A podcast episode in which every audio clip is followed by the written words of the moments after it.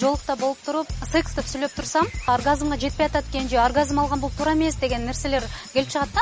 Как ни крути бизде эркектердин правилалары көбүрөөк иштейт. Секс болбосо адам өлүп калат дегенди айтпайт да мен. Исламдан алганда аллах тааланын берген бизге муктаждыгы.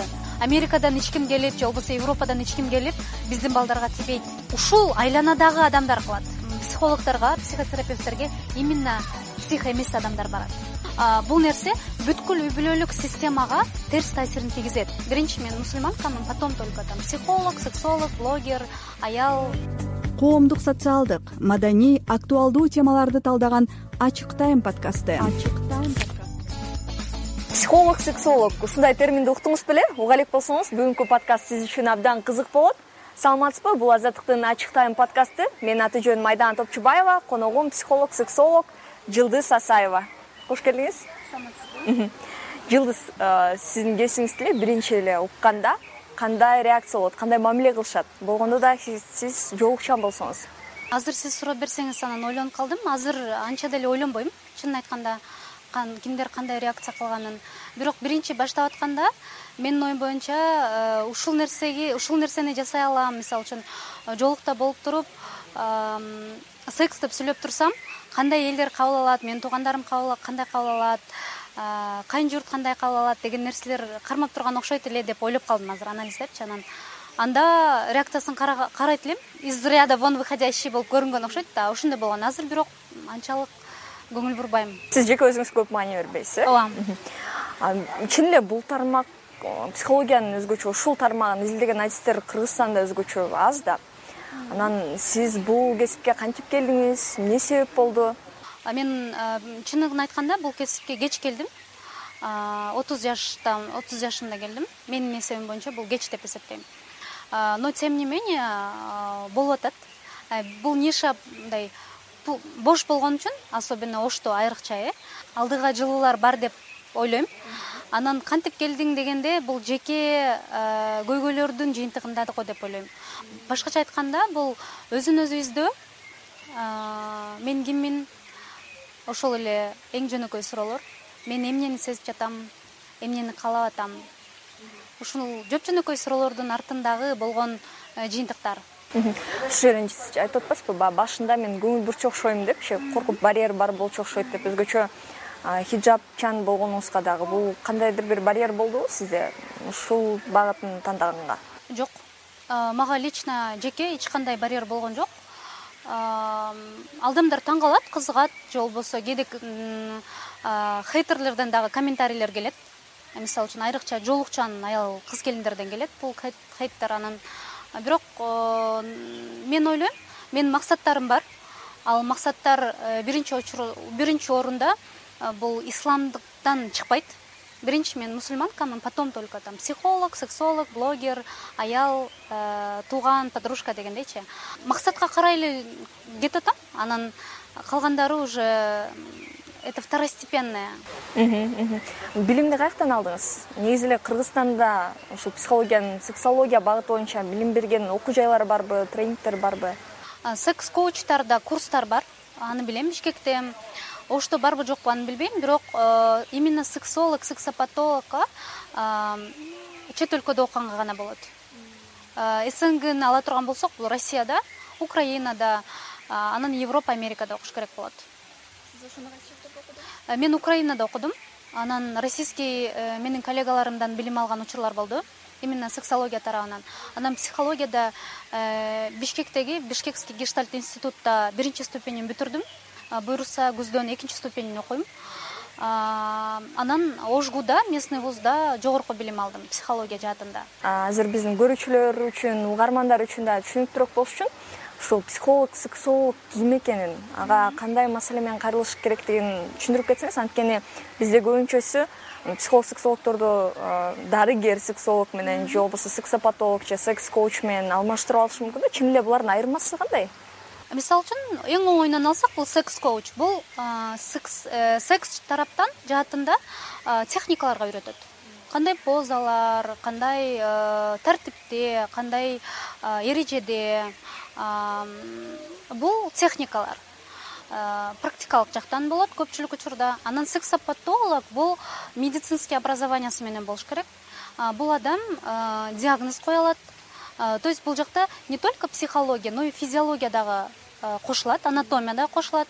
Башкача айтканда возможно совместно эндокринолог менен иштеш керек болот. Если гормональный какой то сбой болсо башка болсо да. Сексопатолог диагноз кое алат э, медикаментозный лечение кыла алат. Бул анатомический физиологический жактан дагы каралат. Именно сексолог бул психологиялык жактан караганда именно түгөйлөрдүн ортосундагы же адамдын секс менен болгон мамилесиндеги кандайдыр бир көйгөйлөрдү чечет. То есть бул э, үйрөтүү эмес. Бул кандайдыр бир травмалардын жыйынтыгында келип чыккан көйгөйлөрдүн үстүндө иштөө. В основном бул терапия болуп эсептелинет даже консультация эмес. Бул длительный болот. Башкача айтканда бул эң азы эң көбү деп деле айта албайм. Терапия бул айлап болушу мүмкүн жылдап болушу мүмкүн. Именно сексолог ушуну менен иштешет сексология багыты э тармак. Психологиянын үй бүлөдө аял менен эркектин ортосундагы мамилеге мындай түздөн түз таасир эткен багыттардын бири болушу мүмкүн э. Бирок бизде кыргыз коомунда бул маселеге көп көңүл бурушпагандай сезилет да. Чын эле сизге кайрылышабы? Кимдер кайрылышат кайрылышса? Айта кетчү нерсе мен эркектерди өздөрүн кабыл кылбайм себеби дегенде жогоруда айтып кеттим мен биринчи мусульманкамын потом только психолог сексологмун бирок параларды кабыл кылам аял эркек болуп келсе күйөөсү менен аялы же болбосо жигити менен там сүйлөшкөн кызы именно сексологко кайрылганда в основном төшөк маселеси. Бизде төшөк маселеси деле десе эле да в основном а значит оргазм ала албай атат экен же болбосо оргазмга жетпей атат экен же оргазм алган бул туура эмес деген нерселер келип чыгат да. Чындыгына келгенде бул базовая потребность. Башкача айтканда бул база муктаждык бул эркекте кандай муктаждык болсо аялда деле ошондой муктаждык. Бул нерсе исламдан алганда аллах тааланын берген бизге муктаждыгы. Ал нерсени бизге салган аны биз алып ыргытып албайбыз удовлетворить албайбыз. И бул нерсе бизге ресурс болуп берет. Эгерде бул качественно жабылса бул муктаждык. Экинчиден психологиялык жактан ала турган болсок бул жерде канчалык муктаждыктар жабылбаса не только в сексе но и в еде да там тамак жегенде уктаганда мисалы үчүн сиз элестетиңиз төрт күн уктабадыңыз сиз менден интервью алып атасыз. Кофе менен энерджик ичип алып жүрөсүз келдиңиз бирок ал нерсе оюңузда турат да.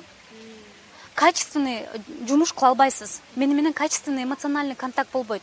Ошондой эле именно в сексуальном плане кандайдыр бир муктаждыктар эркекте деле аялда деле жабылбай калса качественным образом. Бул нерсе бүткүл үй бүлөлүк системага терс таасирин тийгизет тоо тер жагынан алгандачы. Бул э, ошол эле семейный системанын бузулушуна алып келиши мүмкүн. Бул деген сөз сөзсүз түрдө ажырашып кетүү же болбосо ортодо кандайдыр бир э, экинчи аял же болбосо любовник любовница деген пайда болду деген эле сөз эмес. Бул деген сөз адамдардын ошол мамиледе болуп аткан эки адамдын жашоосунун маңызы төмөндөйт качествосу төмөндөйт. Сизге көп кайрылышабы адамдар? Ушундай көйгөйлөр менен келишип мага эки жумага алдыңкы эки жумага запись толук уже. Анан көп деле аз деле деп айта албайм бирок адамдарда бул көйгөй бар мен аны билем. И мен каалаган болот элем адамдар билишин да ушул көйгөй чечиле турганын чечими бар экендигин каалаган болот элем да именно ушул максат менен э, мен инстаграмда блогумду алып барам. Э, ошол жерде мен өзүмдүн билген нерселерим менен билимим менен опытым менен же болбосо практикалык жактан кандайдыр бир техникалар менен бөлүшкөнгө айрыкча биздин аялдар менен аракет кылам. Ошол эле аял менен күйөөсүнүн ортосунда кандайдыр бир сексуалдык жактан көйгөйү болсо алар өз ара отуруп чечише алабы? Биздин менталитетте ушундай эреже барбы? Э, сизге мисалы келгендер кандай айтышат?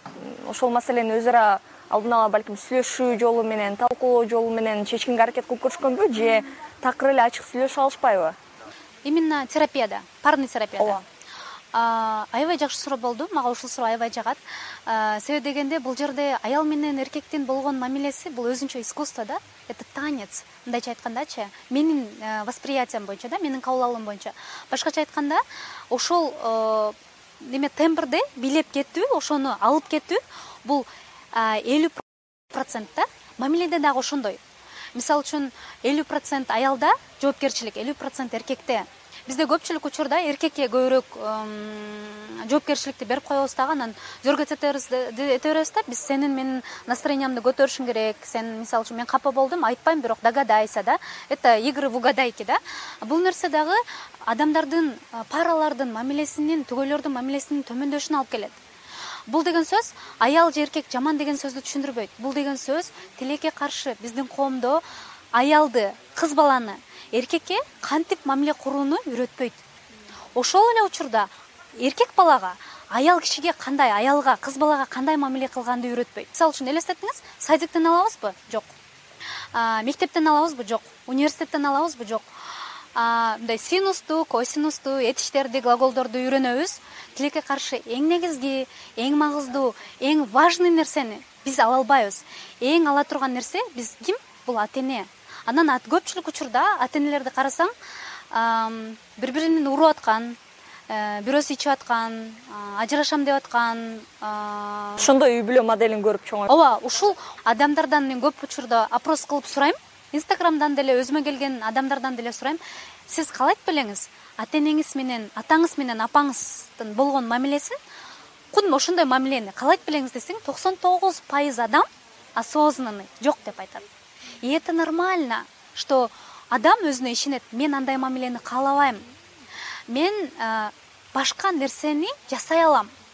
Башкача мамилени жасай алам бирок бул жерде машина баягы бир нерсеге тыгылып калганда буксовать эткендей эле адам дагы буксовать этип калат. Башкача айтканда мындай психологиялык тил менен эмес алганда ушундай да мисал менен алганда. Мен каалабай атам ушул модельди. Бирок кандай модельди? Мага туура келет мен билбей атам ушул нерсе менен келет ушул запрос. Что бы ни говорил клиент эмнени айтпасын клиент келгенде бунун артында ушуга окшогон запростор турат. Мисалы үчүн мага бизде кандай? Биздин тишибиз ооруса ушул ооруп туз менен чайкап көрөбүз табипка барып көрөбүз да? Лишь бы стоматологко барып акча кетирип убакыт кетирбештин аракети да? Өзү жакшы болуп кетет. На самом деле жакшы болуп кетпейт. Ал ооруйт эгерде албай эметип жүрө берсең вообще ириңдеп баягындай болуп кетет. Ошентсе деле жүрө берсең ампутация болот. Бул нерсе летальный исходко алып келет. Башкача айтканда өлүмгө алып келиши мүмкүн. Ушул нерсенин баардыгын жыйынтыктап келгенде э, секс болбосо адам өлүп калат дегенди айтпай атам мен. Мен айтайын дегеним ошол өзү менен өзү тил табышпоонун негизинде келип чыккан проблемалар э, өлүмгө тетээ болуп калат. Адам тамак жейт бирок даамын сезбейт. О сонун тамак экен кудайга шүгүр деген нерсе бул жагынан чыкпайт. Же болбосо мисалы үчүн отурат мындай айлананы карап жөн эле дем алып сонун айлана. Ооба менде кандайдыр бир көйгөйлөр бар. Жолдошум менен балдарым менен балким финансовый тараптан да может жумушум жок болушу мүмкүн.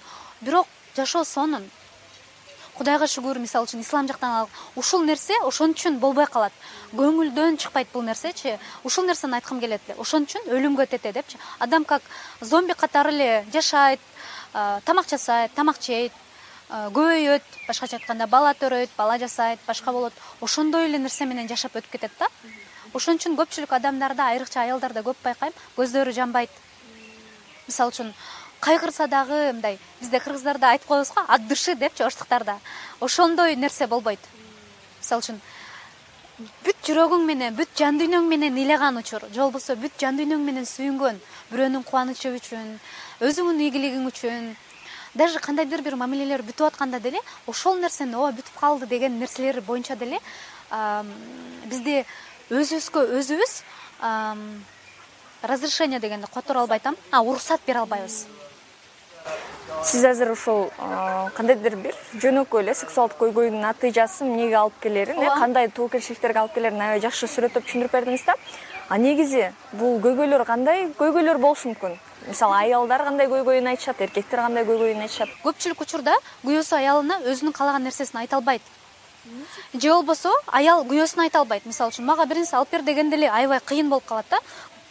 Себеби э, бул балалыктан мисалы үчүн кичинекей баланы ала турган болсок ал каждый раз өзүнүн муктаждыгы пайда болгондо айта баштаганда биз кандай реакция кылабыз көпчүлүк учурда биздин коомдо?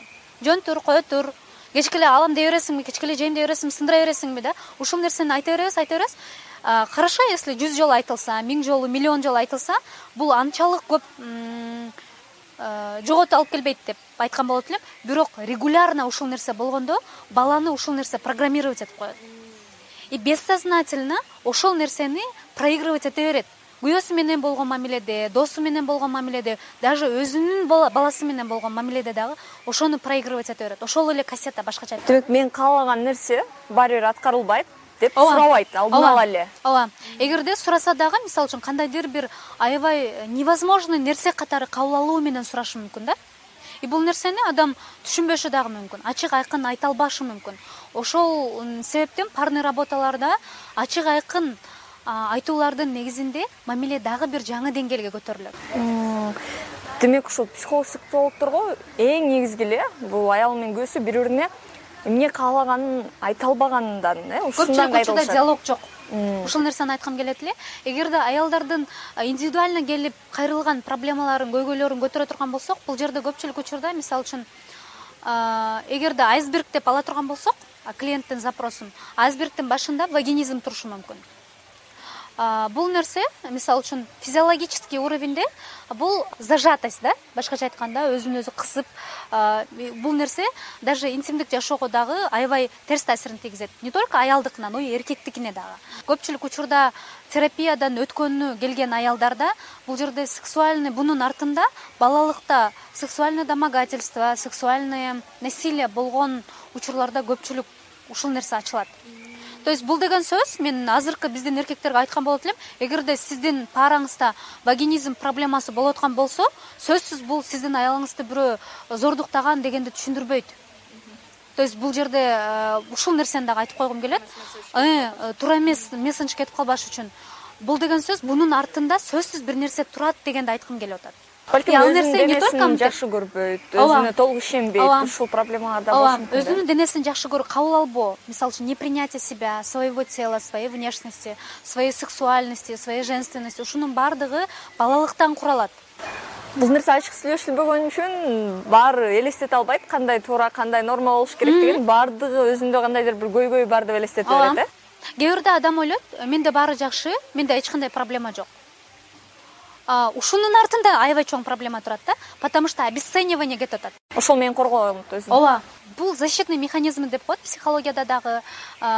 Бул бунун артын ача турган болсок оору турат бунун артында. Мне больно мне невыносимо больно в этом месте. Поэтому я лучше мен буду делать вид что у меня нету проблем. Значит мне не больно. И я буду улыбаться дегендейчи ал эми мырзалар эркектер кандай проблемалар менен кайрылышат бизде патриархальный коомдо жашайбыз да. Э, как ни крути бизде эркектердин правилалары көбүрөөк иштейт эрежелери. Э, бул да эркектердин күнөөсү эле эмес күнөөлүү деп ойлобойм бирок аялдар дагы ошол нерсеге биз түртөбүз. Себеби дегенде мындай элементарный нерсени алсаңыз мисалы үчүн мага мени сексолог болуп иштебеген туугандарым айтат качан эркек бала төрөйсүң? депчи. Как будто эркек бала мен эркек баланы төрөбөйм пока болду десем айтат да эмнеге? депчи эркек бала төрөш керек бул аябай важный нерсе депчи. Анан э, себеби дегенде сенин только кыздарың бар экен депчи. Менин эки кызым бар анан бунун артында э, дагы как будто эркек бала жогорурак аял киши кыз бала как будто мындай төмөн да бул аял киши айтып атат. Бунун артында уже ошол нерсени поощрять этип коебуз да. Башкача айтканда эгерде жалаң кыздары болгон эркек же болбосо аял с ней что то не так как будто да как будто с ним что то не так да. На самом деле андай эмес бул аллах тааланын ислам жактан караганда бергени бул нерсени өзгөртө албайт эркек дагы аял дагы. Аял тем более өзгөртө албайт. Анан бул генетический материал эркектин материалынан болгон. Кудайдын кудурети менен ошол нерсе болот. Аял только как э, носитель болот да. Көпчүлүк учурда эркектерде э, менин сөзүмдү укпайт мен каалаганымды жасабайт мен он жолу айтам миң жолу айтам мен жададым тажадым. Анан мен ойлойм башка бирөө менен мен бактылуу болуп кетем. Тиги он сегиз жашар гүлдана менен же болбосо жыйырма жашар нуршана менен депчи. То есть ушул жерде кандайдыр бир ссылкалар кетип калат. Бунун артында мен бул мамилеге жоопкерчиликти алгым келбей атат. Мага даяр мамиле керек даяр э, аял керек жоопкерчиликти алган баардыкты эптеген өзүн өзү эптеген мен бул мамиленин үстүнөн иштегим келбейт деген нерсе турат да. Ушундай маселе менен келишет ооба то есть мен айтайын дегеним бул деген сөз эркек жаман деген сөз эмес. Бул деген сөз это про незрелость.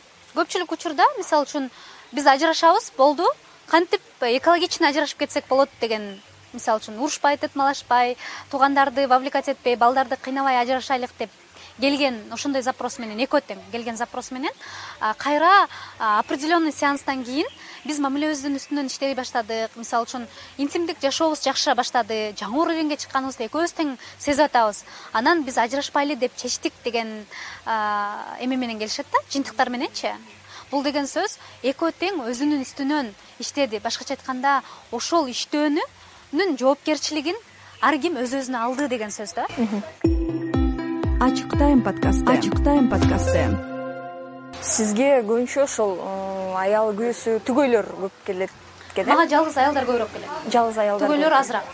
Ну почти азыраак. Эмне үчүн? Ушул жерден да айтсак болобу бул көйгөйдү чечүүгө аялдар жоопкерчилик көбүрөөк жоопкерчилик алышабы. Же сиздин өзүңүздүн талабыңыз болгон үчүн гана аялдар көбүрөөк келеби? Же адатта аялдар көп кайрылышабы ушундай психолог сексологдорго. Биз супервизия кылганда башка психологдор менен кейсти этип же болбосо статистиканы карай турган болсок көпчүлүк учурда психологдорго кайрылгандардын көпчүлүгү аял кишилер. Биз более гибкийбиз мисалы үчүн эркек киши аял кишинин үйүнө барып жашаган учурлар азыраак. Снгда азияда ошондой да? Бул деген сөз бунун артында аял киши барган жеринде дагы көбүрөөк гибкий болуп ошол жерге адаптация болуп кетүү ыктымалдуулугу жогорураак бизде кичинекейинен кыз бала төрөлгөндөн баштап ошол нерсеге тарбиялайт. Сен гибкий болушуң керек сен уступчивый болушуң керек сен более мээримдүү болушуң керек түшүнүктүү болушуң керек ушул нерселер көбүрөөк эме кылат анан табиятыбыздан дагы ушул нерсе заложенный аллах тааланын кудурети менен. Э, биз более гибкийбиз өскөнгө өнүккөнгө жаңы маалыматты кабыл алганга аны жашообузга киргизгенге дагы биз көбүрөөк мындай кандай десем муктаждыктарыбыз дагы анан способностьтарыбыз дагы жогорураак бул деген сөз аял киши сонун эркек киши анча эмес дегенди түшүндүрбөйт. Аял кишинин эркек кишинин дагы өзүнүн муктаждыктары бар өзүнүн способностьтары бар. Бирок көпчүлүк учурда менин клиенттерим аялдар болгон үчүн ошон үчүн мен аялдар жөнүндө көбүрөөк сүйлөйм. Анан психологко кайрылган эркектер дагы бар. Жок эмес. Бунун артында дагы мен өзүмдүн жашоомду жакшыртканга аракет кылып атам деген нерсе турат да. Мен өзүмдүн жашоомо жоопкерчиликти алганды каалап атам деген сөз. Бул деген сөз адам бизде көп ойлойт. Мен псих эмесмин да депчи.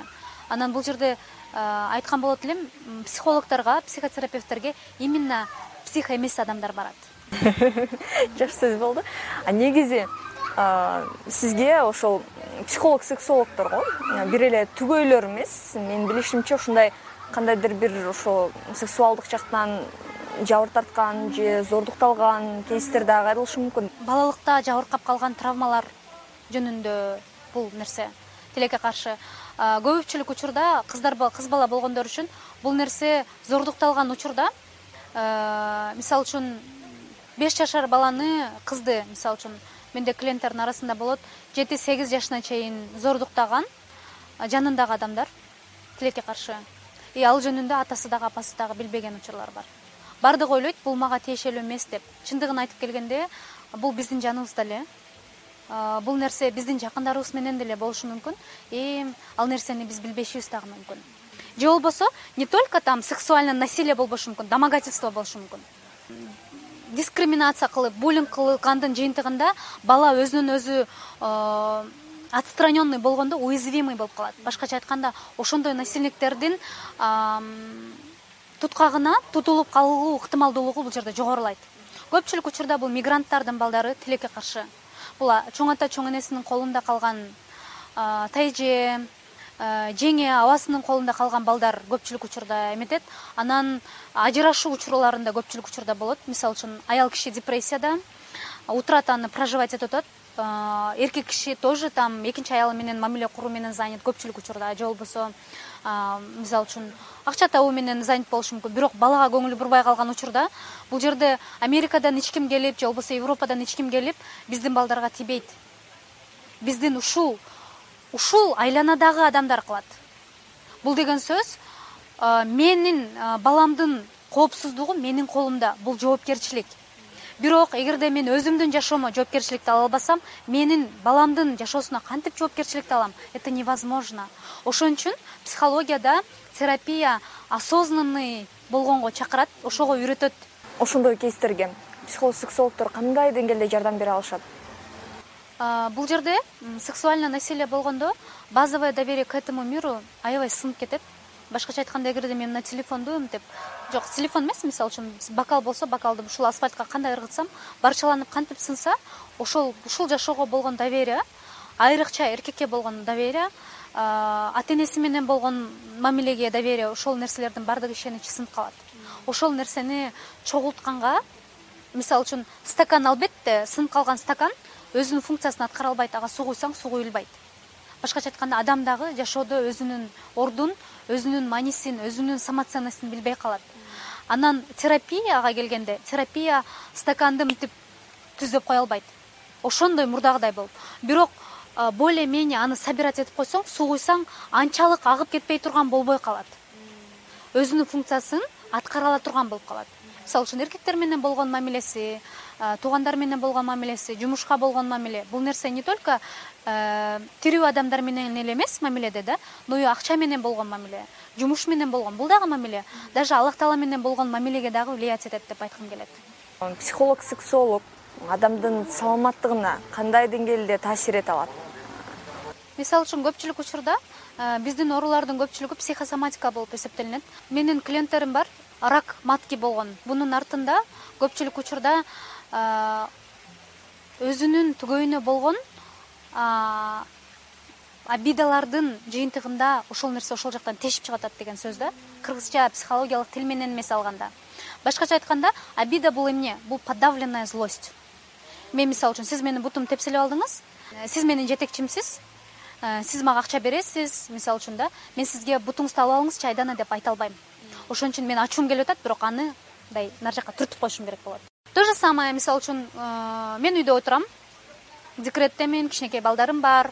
Анан күйөөм мисалы үчүн башка бирөөлөр менен жүрөт деп айтайлы это просто мисал. Андан мен финансылык жактан көз карандымын психологический жактан көз карандымын морально социальный жактан. Мисалы үчүн мен үйүмө кете турган болсом апам мени урушат мисалы үчүн. Үйүңө барып отур жаша чыда. Балдарың ким багат же болбосо ушундай социальный кандайдыр бир немелер бар да себептер бар. Ошон үчүн эгерде ал мени сөксө дагы урса дагы мен ачуум келет. Это естественно это нормально. Это нормальная человеческая реакция да на нарушение границ. И бул жерде злостьту эмне кылам тоже давить этем. Себеби дегенде ал мага финансировать этпей коюшу мүмкүн. Мисалы үчүн продукт алып келбей коюшу мүмкүн. Же болбосо физический уровеньде ала турган болсок ал мени урушу мүмкүн. То есть зомбулук опять таки да и менин атам жок болгон үчүн менин артымда байкем жок болгон үчүн мага заступаться эте турган. Мен ошол злостьту кайра нары жака давить этип коем. Бул обида. И ушул нерселер хорошо бир жыл болсо ну ладно беш жыл да? Бирок жылдап он беш жыл жыйырма жыл он жыл болгондо ошол нерсени злостьту проживать этпестен катмар катмар кылып чогулта бергенде ал сөзсүз бир жактан чыгат. Бул ден соолукка зыянын келтирет. В основном бул аябай серьезный заболеванияларга алып келет. Ошол рак киста же болбосо туберкулез дагы мисалы үчүн толук деме ала албагандын жыйынтыгында коркуунун жыйынтыгында ушул өпкөгө полный воздух кирбейт. Ошон үчүн дагы адамдын иммунитети түшүп кетет дагы ушул нерселерге тоскоол болуп. Бунун баардыгы психологический жагы. Ар бир э, физиологический процесстердин артында психологический процесс параллельно жүрөт биз мисалы үчүн көңүлүм мына жерде туруптур мисалы үчүн акылым менен бир жака барып келейин деп айта албайбыз. Биз үч уровеньде үч деңгээлде жашайбыз. Бул мээнин деңгээли жүрөктүн деңгээли дененин деңгээли. Ошол эле мисалды ала турган болсок сиз менин бутумду тепселегенде мне больно мне некомфортно бул жерде. И соответственно мен эмне кылам? Бул буну кантип билип атам? Больно болгондо сезип атам мен. Бул деңгээл жүрөк деңгээли сезим деңгээли. Мага анализ кетет бул жака мээ деңгээли э, анализ болот прогноз болот эмне кылсам болот. И мисалы үчүн анан телого приказ берет. Анализ болгондо айданага айт бутун алсын. И кантип айтсам болот бул жерде прогноз болот. Себеби дегенде бул жерде больно болуп атат. И ушул треугольник болуп э, үч бурчтук болуп функционировать этет. Анан көпчүлүк учурда биздин адамдар эмнени сезип жатасыз азыр? десең эмне кылганын э, эмне жөнүндө ойлонуп атканын эмне болгонун? айтып берет. Бирок сезимдери жөнүндө айта албайт мен кубанып атам мен кайгырып атам мен ушундай кыйналып атам деген нерселерди айтыш кыйын. Анан себеби дегенде бул кичинекейинен опыт жок. Сенин эмненин ичиңде болуп атат как будто эч кимге кызыксыз болгондой. Менде деле ушундай опыт. Демек ошол сексопатологко баргандан мурда дагы эң биринчи кезекте психолог сексолог менен маселени чечип андан ары маселелердин жолго мисалы үчүн болот экен да сексопатолог дегенде мисалы үчүн физиологический жактан ала турган болсок опущение матки болуп ошол нерсе проблемаларга алып келип анан кийин же болбосо аябай серьезный инфекционный заболевания же болбосо мисалы үчүн вич ошонун айынан жыйынтык да или гонорея или там допустим дагы кандайдыр бир атрофироваться этип кандайдыр бир внутренний органдар ошондой болуп кетсе сөзсүз мен биринчи медикаментозный медиктерге жөнөтөм. Бул сексопатолог бул гинеколог и эндокринолог. Бул э, даже где то невропатолог дагы подключаться этиш керек болот. Бул комплексный подход. Мен аны э, ооруп атса мен жок психологический жактан лечение кылабыз деген бул непрофессиональный подход болуп калат. Биринчи анын ооруп аткан физиологический деңгээлдеги проблемаларын чечип туруп анан параллельно психологический жагын дагы алып кеткен э, эффективдүүрөөк бул профессиональный подход. Анан же болбосо кээде болот менин коллегаларым бар айканыш деген гинеколог эндокринолог да аябай жакшы кыз бар ошто ошол дагы мага жөнөтүп турат. Мисалы үчүн өзүнүн жоопкерчилигине өзүнүн компетенциясына туура келген гинекологический проблемаларды лечение медикаментозным способом лечение кылат. Анан менин контакттарымды берип перенаправлять этет уже психологический жагын лечение кылган башкача айтканда. Адам ушундай психолог сексологко барууга муктаж экенин же болбосо ушундай сексуалдык көйгөйлөрү бар экенин кантип билсе болот? Кээ бирлери билбей эле жүрүшү мүмкүнбү ооба биздин токсон процент коом ошондой да. Неосознанный жашоо менен. Эң негизги бул суроо. Мен эмнени сезип атам бул мамиледе ну допустим после секса например да интимдик катнаштан кийин мен эмнени сезип атам? Бул мени мага ресурс болуп атабы ресурс алып келип атабы эгерде жакпаса мага эмне жакпай атат? И кантип ушуну чече алам? Эгерде өзүңүз чече алсаңыз чечсеңиз аябай сонун. Бирок өзүңүз чече албасаңыз адиске кайрылган туурараак го деп ойлойм. Менин байкашымча сиз инстаграмдан ошол мамиле жөнүндө да көп блогторду жазып турасыз постторду чыгарып турасыз. Чын эле азыркы коомдо мындай нормалдуу дейбизби туура ынак мамиле болуш үчүн аял менен эркектин ортосунда.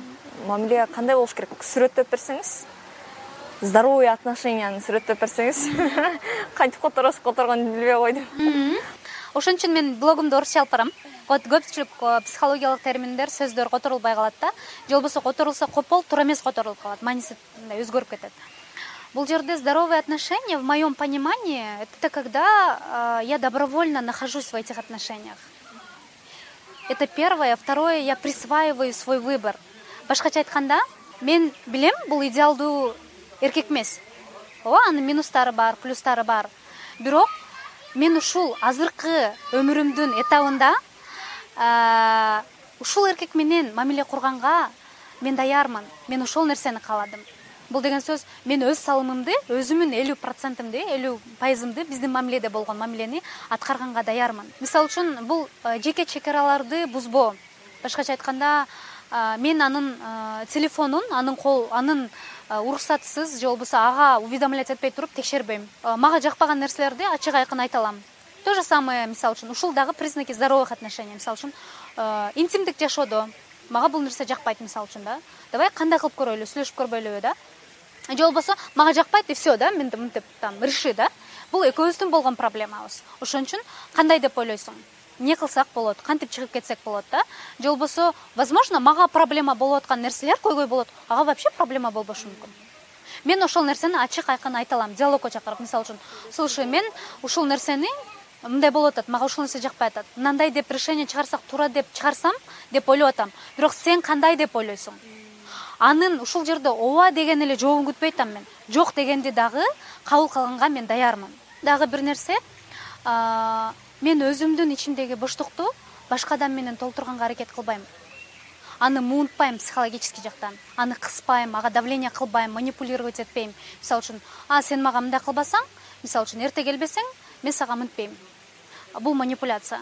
И это признаки нездоровых отношений. Анан здоровый отношенияны куруу үчүн адам өзү өзүн тааныш керек. Эң маанилүү өзүнүн жашоосундагы адам менен таанышуу бул өзү менен. Өзүн тааныган адам өзүн сыйлаган адам өзүнүн муктаждыктарын таанып билип ошол нерсени экологично проживать эте алган адам башка бирөөгө дагы тандоо бере алат. Чечилбей калган көйгөйлөрдүн өзү жок.